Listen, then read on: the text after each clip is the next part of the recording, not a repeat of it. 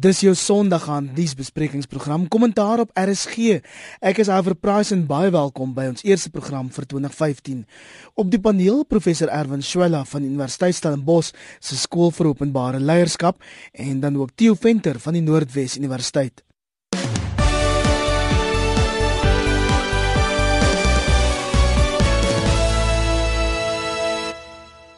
Kollegas omtrent al die koerante het vanoggend die skokkende nuus uitgebesyn dat die matriekslaagsyfer van jaar drasties afgeneem het.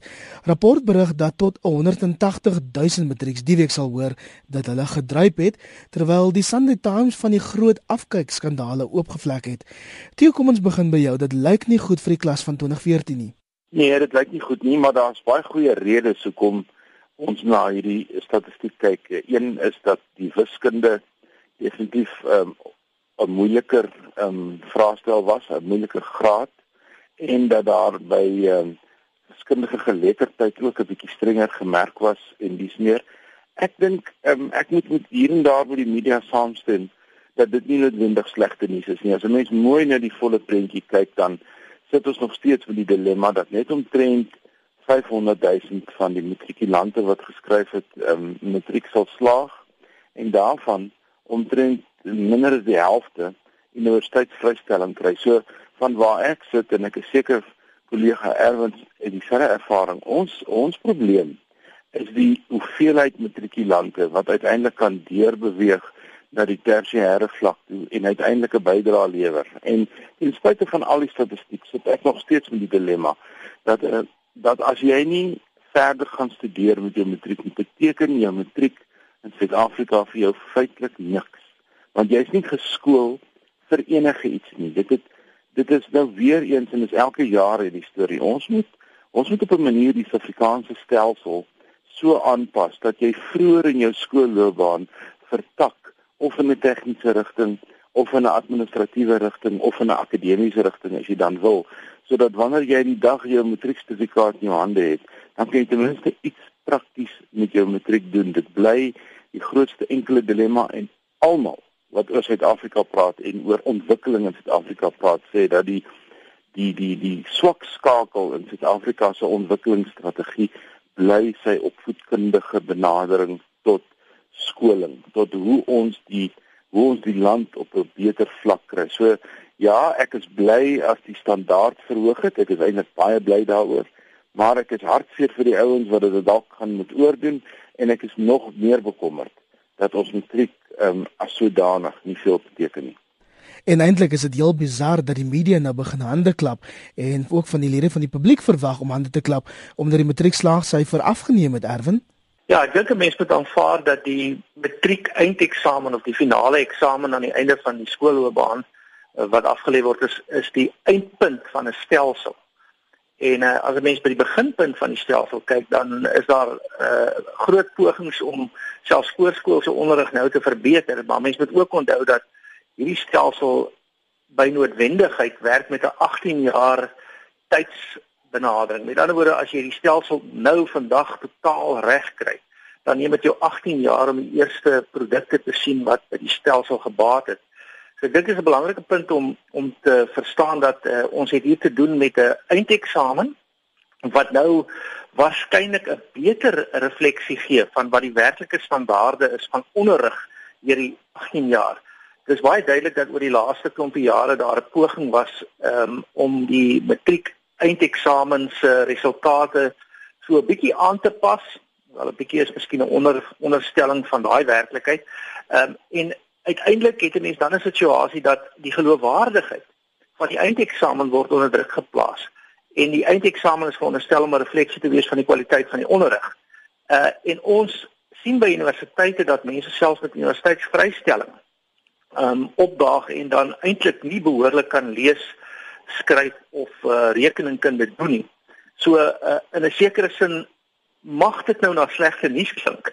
Ek moet daarom ook byvoeg dat daar 'n klaarblyklike poging van die onderwysowerhede om 'n uh, verbetering in die standaarde daar te stel om die standaarde vir wiskunde en wiskundige geletterdheid en op ander vlakke aan te pas en om nie meer te werk met die beginsel van uh, so iets in die orde van pass one pass all nie, maar om wel te sê dat mense kan dryf Daar is binne die stelsel nog 'n klomp ander probleme. Dit is byvoorbeeld sodat as mense uh, twee of drie keer 'n standaard moet herhaal, dan word hulle doodgewoon deurgesit.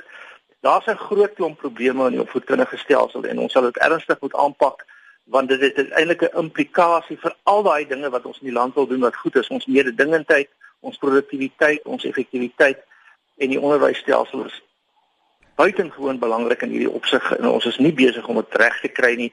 Alhoewel hierdie is dalk die eerste poging om te sê kom ons dryf dan nou die mense wat nie kwalifiseer nie en daarmee daarmee is dit dan nou maar gedaan. Sê ons met ander woorde dat die nuwe CAPS kurrikulum wat groter eise gestel het aan die 2014 klas eintlik besig is om te werk, Theo?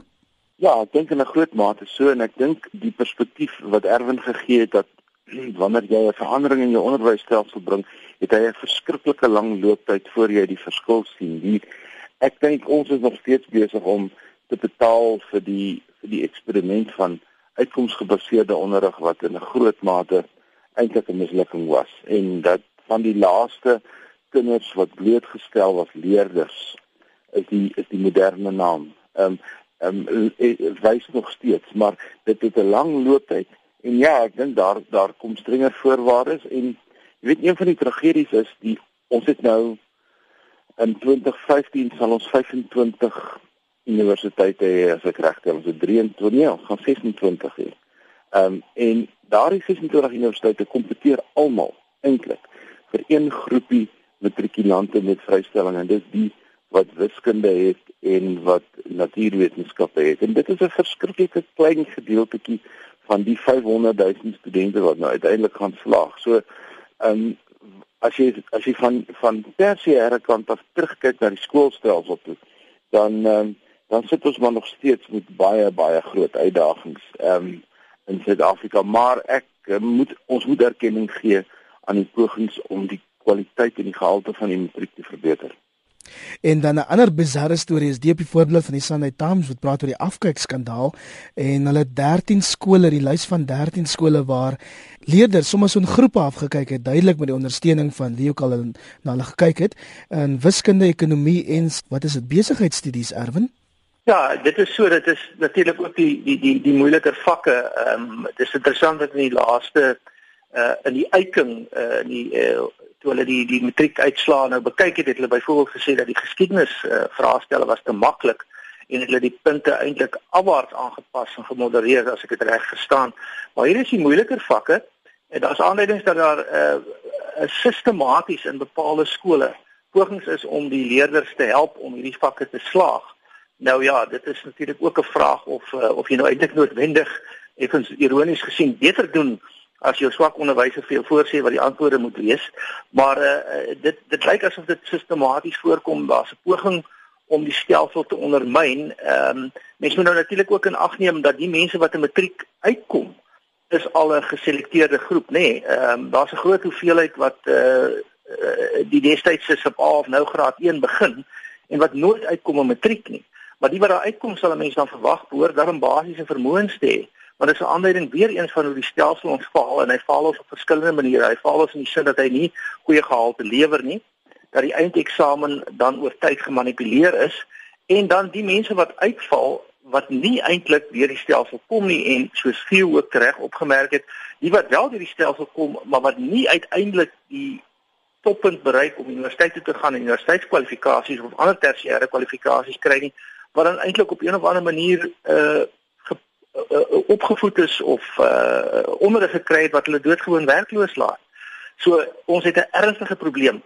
Ehm um, terug by die spesifieke oneerlikheid. Uh, een van die dinge wat absoluut in Suid-Afrika behoort beskerm te word is die integriteit van al ons instellings.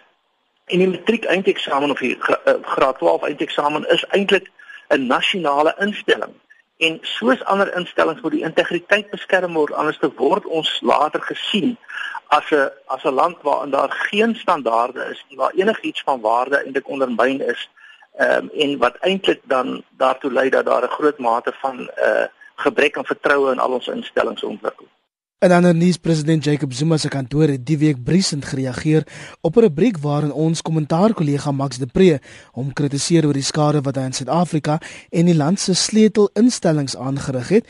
En Max het onder meer geskryf dat meneer Zuma 'n one-man wrecking ball is en dit ook dat die land jare sal duur om van die skade te herstel, selfs al doen die president vandag afstand van sy amp.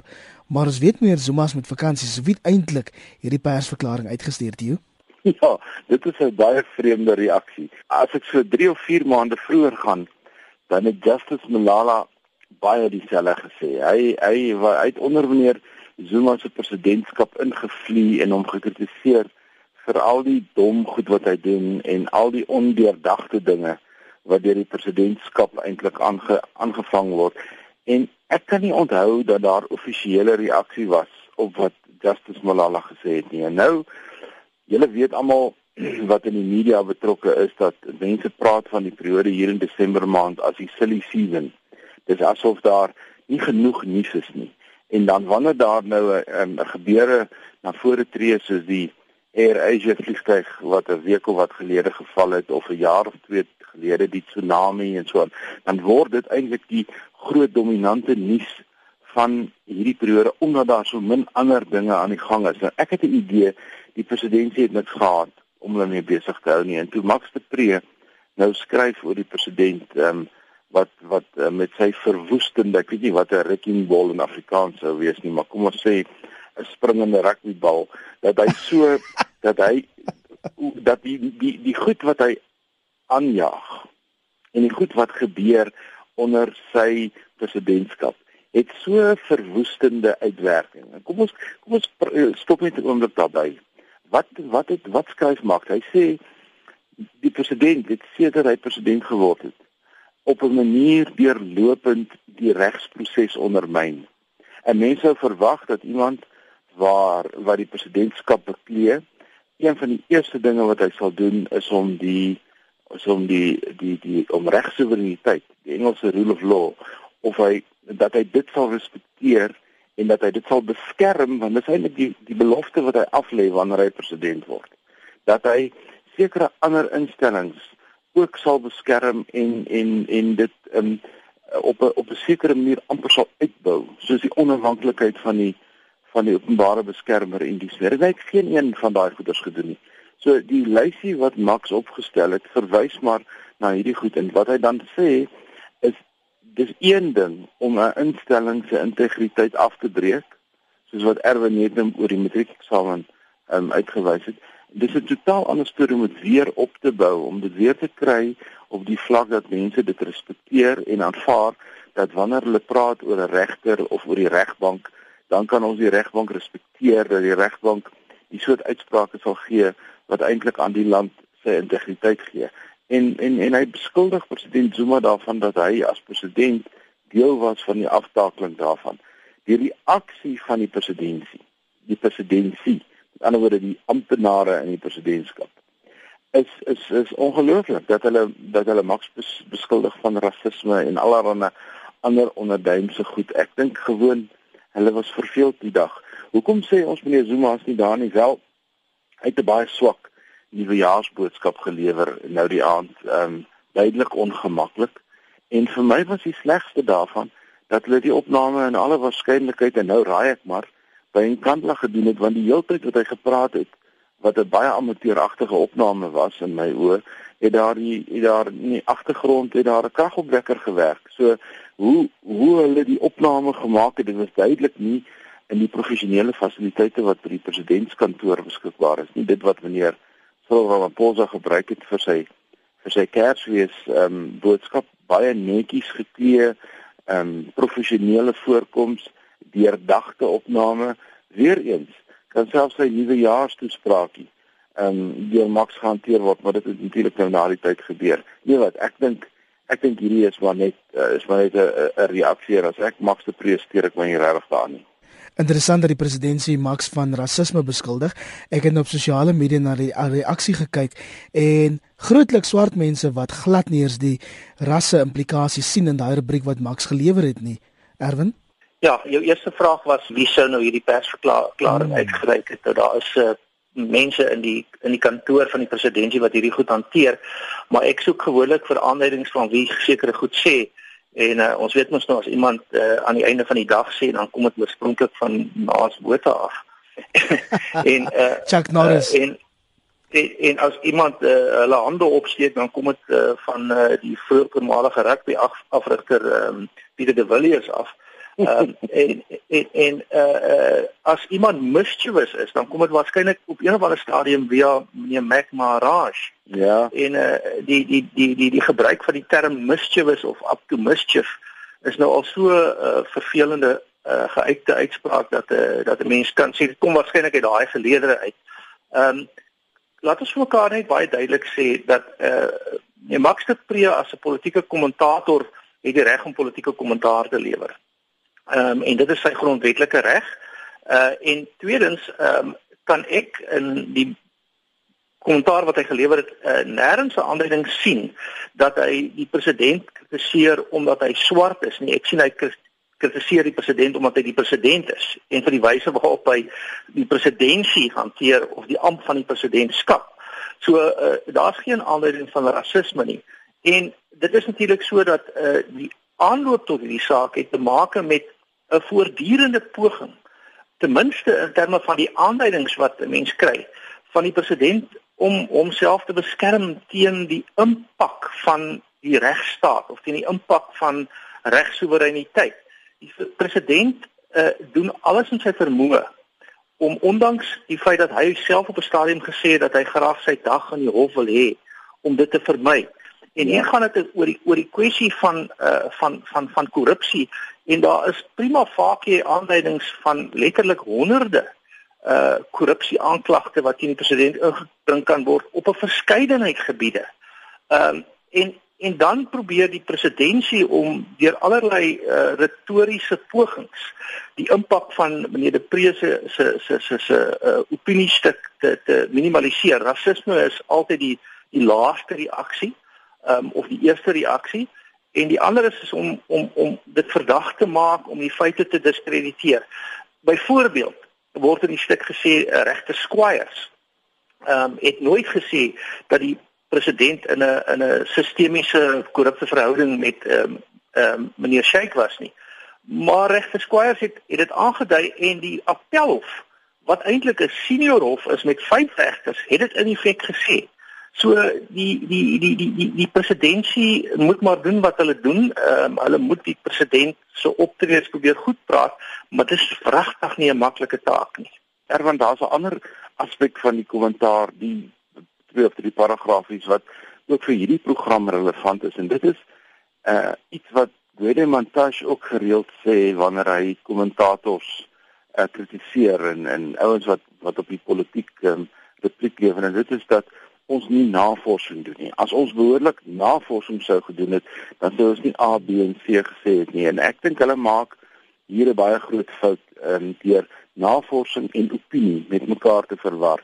Wanneer jy 'n mening het, wanneer jy 'n meningsvormer is, dan is dit eintlik die kulminasie van 'n klomp navorsing en 'n klomp ander goed wat jy reeds gedoen het wat jou mening in 'n sekere sin gevorm het. So 'n opiniestuk en dit is basies wat Max geskryf het, is sy mening wat gebou is op 'n klomp ander goeters om nou te sê dat ons nie behoorlik navorsing doen nie of nie navorsing gedoen het nie en daarom maak ons hierdie uitsprake. Dit is maar eintlik 'n baie 'n 'n soort van 'n siniese reaksie op wat wel 'n mens verskil is tussen navorsing en opinie. Wel 'n mens begin natuurlik altyd vir jou uh, en iwer met die feitelike gegewe. So ehm um, daar's tendense. Ons sien voortdurende inmenging met die staatse instellings of dit nou binne die inkomste diens is of dit nou binne die nasionale vervolgingsgesag is of dit uh, binne die die weermag is en, en nou binne die sertifikaatse inkomste diens ehm um, uh, die die die die die die valke ehm um, ja, dramatiese saak is 'n klassieke voorbeeld. Presies. So, so daar's nou voortdurend hierdie tendense. Dis baie duidelik feitelik sigbaar. Ehm um, dit is so. As 'n mens dan sien wat hier gebeur, dan word die vraag natuurlik gevra, hoekom gebeur dit? Dis dis waar die waar die mening inkom. So ons ons gee dan aanduidings van hoekom ons dink dit gebeur en ons interpreteer die hoekom dit ons dink dit gebeur binne die tendense en gegee die agtergrond en met 'n stukkie of of of gedeeltes van teorie en navorsing wat ons reeds gedoen het. So uh, as as as as Max dan op baie basis voortgaan en sê hier is die feite, dis wat hy sien en dit dan interpreteer is dit presies wat hy moet doen. En hy hoef dit ook nie voor te lê in die presidentskap vir kommentaar nie as uh, as ek elke opinie wat ek het oor die presidentskap en ander mense ehm uh, moet voorlê aan hulle vir kommentaar. Nou ja, dan sal ek nooit opinies vorm nie want ek is eintlik besig om dit voortdurend aan uh, aan hulle voor te lê vir kommentaar. Dan ook en ek dink dit is die wesentlike punt en dis 'n goue draad wat deur hierdie storie loop. Dit is naamlik die voortdurende aanslag op die instellings. Die samelewing bestaan uit 'n hele aantal individue en groepe. Hulle kom en gaan. Hulle is tydelik. Ehm um, presidente kom en hulle gaan. Maar as ons die instellings vernietig, as ons die waarde van 'n van 'n graad 12 eindeksamen, as ons die waarde van die opvoedkundige stelsel, as ons die as ons die die regstaat begrip, die oppergesag van die reg, ehm um, die belangrikheid van aanspreeklikheid as 'n instelling, as ons die goed vernietig, dan gaan dit langer neem om dit reg te stel as dood individu wat wat vertrek en die punt het Max ook gemaak. Kollegas, ons moet aanbeweeg tot woelinge in die Wes-Kaapse politiek. Die Wes-Kaapse premier Helen Zille het die week die kabinet bietjie geskommel teens Botha. Bekleed nou 'n ander amp uit gisteraand ontken dat hy uitgeskuif is deur mevrou Zille en sê eerder dat dit met sy gesondheid verband hou. En dan berig die Sunday Independent ook sy hoofstorie vanoggend as dat die ANC sy groot kanonne gaan instuur in die Wes-Kaap vir deur tot deur veldtog. Duidelik iets aan die broei daar in die Wes-Kaap. Theo, kom ons begin by jou. Erwin wat in die Weskaap sit gaan miskien meer weet wat binne in die geleedere van die regerende party in die Weskaap aan die gang is. Vir my waar ek sit is daar 'n eenvoudige vraagie die een is meneer Botha word geskuif van 'n departement met 'n begroting van omtrent 600 miljoen na 'n departement met omtrent 16 miljoen begroting. So daar is vir my al klare aanduiding van van 'n uh, kwalitatiewe verandering in die twee kandidate wat geskei word, maar daar mag dalk ander faktore wees. Ek het hierbo 'n um, kommentaar gesien in die media wat sê ehm um, hulle raak ontslaaf van die laaste stukkie van die ou nasionale party in haar kabinet of wat ook al, ek weet nie wat uh, goed ek is nie so klaar dit vir Erwin. Die die tweede stuk is, is is so, die ANC het in sy oor oorweging van wat in die party aan die gang is en ons ons ons moet net nou ook 'n bietjie daaroor praat want die ANC se 8de Januarie uitspraak wat waar nou jaarliks sy sy verjaarsdag eintlik herdenk hy is die jaar 103 jaar oud gaan baie gewag maak oor die party se interne strukture en hoe die party homself eintlik moet vernuwe in in die lig van die uitdaging van plaaslike verkiesings wat in 2016 plaasvind. In die Weskaap bly vir die ANC 'n meelsteen om sy nek. Hy het wat my aanbetref in 'n sekere sin eintlik die politieke beheer oor die Weskaap verlore verkiesing of wat gelede. Hy gaan dit bitter bitter moeilik terugkry want die DA uh, in my oë doen 'n goeie job om die om die Weskaap te bestuur. Hulle bestuur hulle begrotings tyd hulle hulle doen al die regte goeders ten spyte van geweldige kritiek van die ANC se kant af en ek dink die ANC spandeer 'n klomp energie om 'n beter vasdra plek in die Weskaap te kry. En dit um, ek lees dit maar in die lig daarvan en ons sal waarskynlik in die komende week 'n hele paar uitsprake van die ANC kant af kry wat baie krities oor die Weskaap is. Maar dit is 'n soort van 'n ironiese kritiek. Want as jy gaan kyk na wat in die ander provinsies aan die gang is waar die Weskaap wel en be ag waar die ANC wel en beheer is nie vergelyk dit met die Weskaap. En 'n mens hoef eenvoudige instrumente te gebruik soos byvoorbeeld jaarlikse verslag van die ouditeur-generaal. En die verslag van Salga oor wat is effektiewe plaaslike regering? Die verslag van 'n hele klomp ander instellings wat kyk na hoe provinsies bestuur word. Dan staan die Weskaap kop en skouers uit. Die Weskaapse metros die Weskaapse plaaslike regerings. Dit sê vir jou dit is nie net 'n uh, soort van 'n subjektiewe partytetiese uitspraak wat ek maak nie. Dis ander instellings wat dit maak.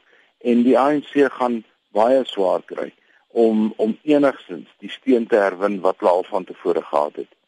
So volgens die Sunday Independent gaan president Zuma en sy adjunk Cyril Ramaphosa al vandag in die Weskaap aankom en hulle stuur 80 lede van hulle nasionale uitvoerende komitee in om deur tot deur te gaan om die ANC se boodskap daar te gaan versprei.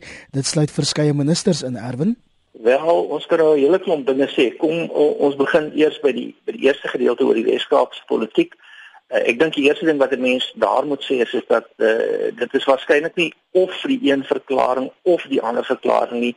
Dis 'n kombinasie van faktore. Wat ek daarmee bedoel is is uh, dit dit gaan waarskynlik daaroor dat uh, mevrou Zille haar uh, kabinet mag herrangskik is interessant om daarop uh, te let dat die vorige minister van kultuur en in in sport uh, eh, Dr Ivan Meyer wat ook die Weskaapse leier van die DA is is nou die uh, die uh, LER vir uh, vir finansies. So daar is wisseling en na die vorige verkiesing was daar 'n groot uh, kabinetsaanpassing onder andere um, om meer vroue uh, verteenwoordiging te kry.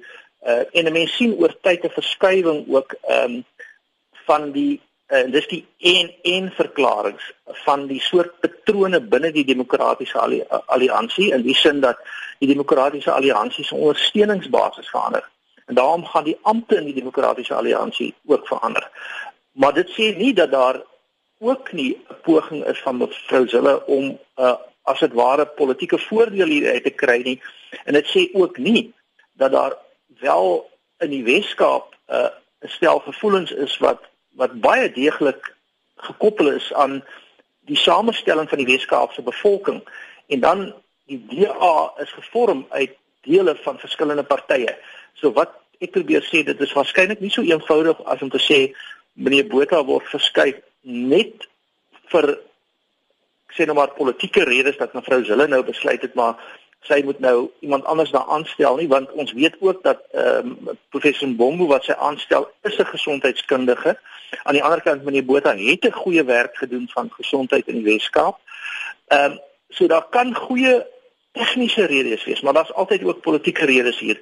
En dit wil tog blyk dat daar 'n verskywing is in die ondersteuning van die DA, natuurlik om groter steun te kry en dat dit implikasies het vir die ou steunbasisse.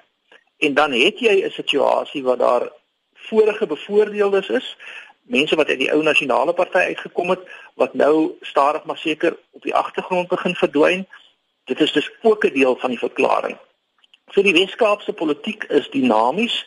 Wat wel waar is is dat die Weskaap is die een provinsie waar 'n mens 'n soort aanleiding kry van 'n volwasse demokrasie. As dienste nie gelewer word nie, dan stem Weskaapenaars teen die regering wat nie dienste lewer nie. Dis ook hoekom die ANC die die mag in die Wes-Kaap verloor het. En dit sluit aan by die tweede punt. Dis ook hoekom hulle vreeslik moeilik die mag gaan terugwen in die Wes-Kaap.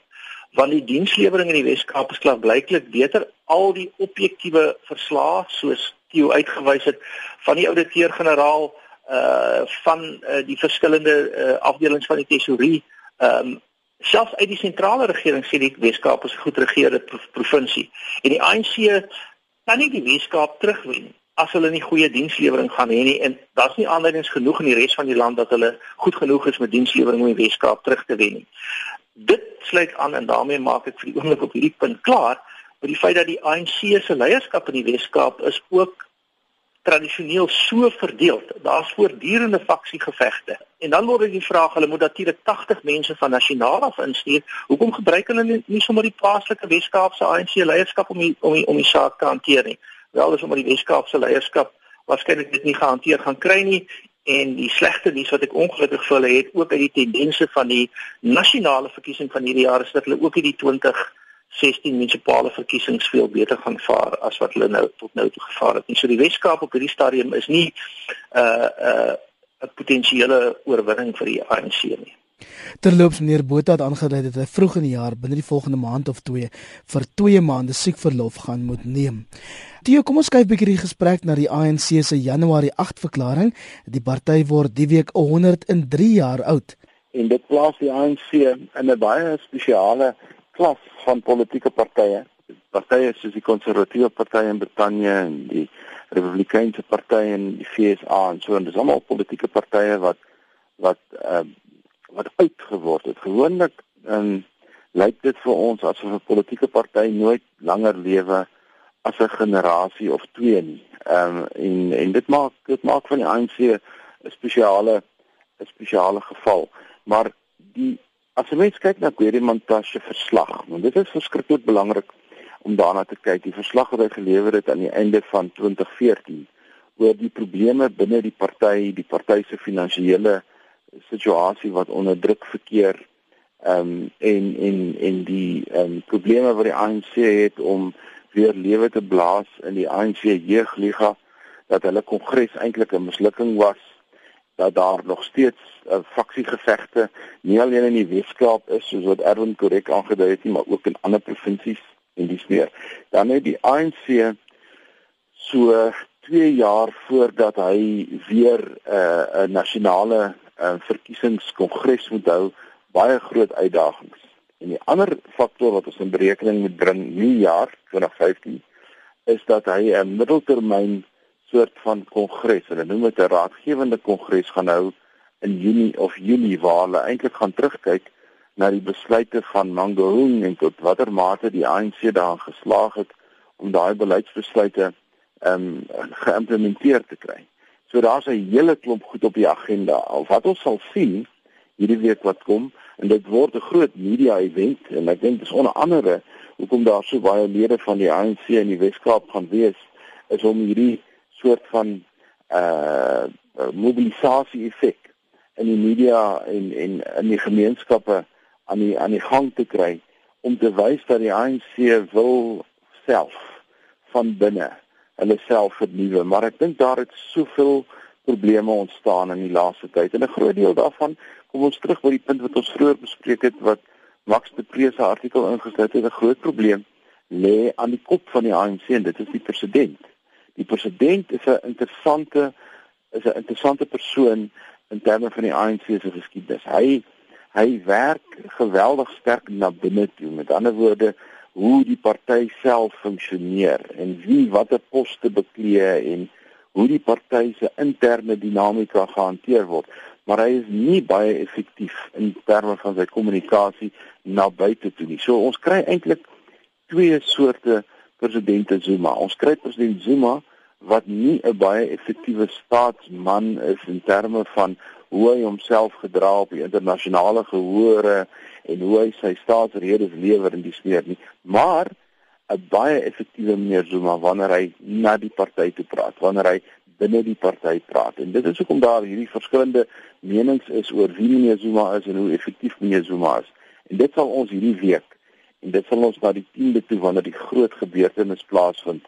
En ek verstaan die Wes-Kaapse regering Erwan het gesê die ANC se se betaling is 'n bietjie twyfelagtig so hulle moet 'n geweldige groot deposito betaal voordat daai groot stadion kan hier by voorbaat voordat hulle die stadion kan kry.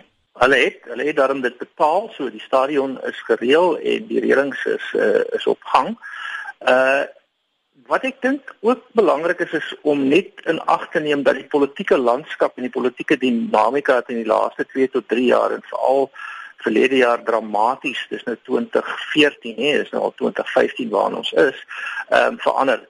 Vir die eerste keer, dan miskien nie vir die eerste keer, daar was afsplitsings van die ANC ehm um, maar nie na links nie, maar vir die eerste keer het ons 'n baie sterk uitdaging aan die linkerkant van die politieke spektrum vir die ANC, onder andere deur die eh uh, die die Malema groep, die EFF, ehm um, en natuurlik ook uh, die die die die politieke partye uh, wat aan die ontwikkel is uh te stig en gestig ehm um, vanuit die vakbondgeleedere So ehm um, dit is 'n sistemiese dimensie van die politiek wat uh, groot uitdagings vir die ANC gaan lewer.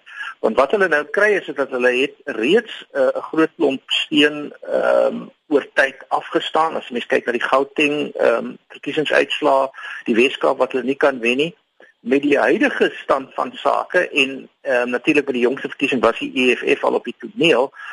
Ehm uh, maar hulle hulle staan nou voor 'n nuwe uitdaging. Dit is dat hulle steen kan uitkalwe van buite beide kante af. Miskien het die het die DA se steen gestabiliseer. Dit kan nog 'n bietjie groei, maar die EFF en die meer linkse uh, die uh, kant van die politieke spektrum het 'n groot potensiaal om hulle uit te kalwe aan daai kant. So hulle veg nou 'n geveg aan twee fronte.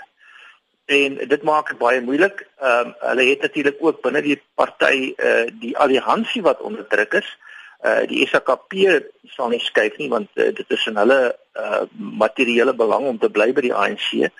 Maar dit lyk asof daar in die in die Kossatu geleedere groot uh uh veranderinge aan die kom is.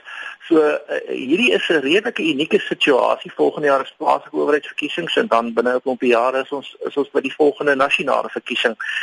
Uh ek dink uh die ANC oor tyd uh en Theo het 'n korrekte analise daarin. Zuma werk ongelooflik suksesvol binne die party.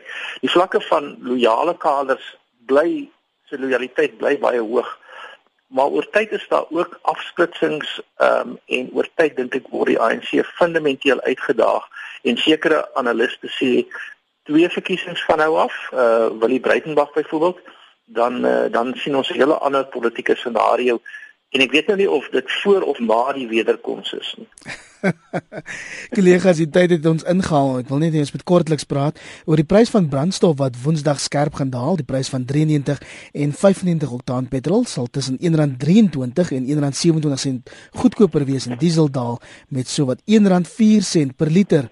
Ja, ek dink dit is 'n wins wat Suid-Afrika behaal net soos groot dele van die res van die wêreld, maar ons moenie vergeet nie dat een se wins is iemand anders se verlies dit is maar hoe hierdie goed werk en die groot vraag wat ehm um, Suid-Afrikaners vir hulle moet afvra ten spyte van die voordele om goedkoper verder te kan ry is wat is die effek van die daling van die olieprys wat nou rondom 60 dollar per vat is in lande soos Nigerië, Sudan, Suid-Sudan, die Oekraïne, Rusland, die lande wat 'n baie groot ehm um, afhanklikheid het van hulle olie-inkomste. Venezuela byvoorbeeld het in die laaste week formeel in 'n resessie ingegaan vanweë die afhanklikheid van 'n hoë olieprys. So die hoë olieprys is ons voordeel, maar ons sal maar ons oë in die seile moet hou vir groot sosiale onrus in lande wat nou baie swaar kry met 'n lae olieprys. Iwer ek sal dit maar kort hou en baie persoonlik maak. Ek sal maar net sê dat ek het my terugreis uh van die vakansie af uitgestel tot na Woensdag want nou kan ek dit waarskynlik bekostig om die huis te haal. en dankie dat jy met ons gepraat het tydens jou vakansie. Ek weet Theo soos ek ons neem op snaakse tye van die jaar vakansie. Dit was dan ons paneel vanaand professor Erwin Swela van die Universiteit Stellenbosch skool vir openbare leierskap Nanse Erwin. Goeienaand Erwin, goeienaand Theo en die luisteraars. En ook Theo Venter van die Noordwes Universiteit. Ja, goeienaand almal. My naam is Iver Price, blind geskakel vir finansiële fokus.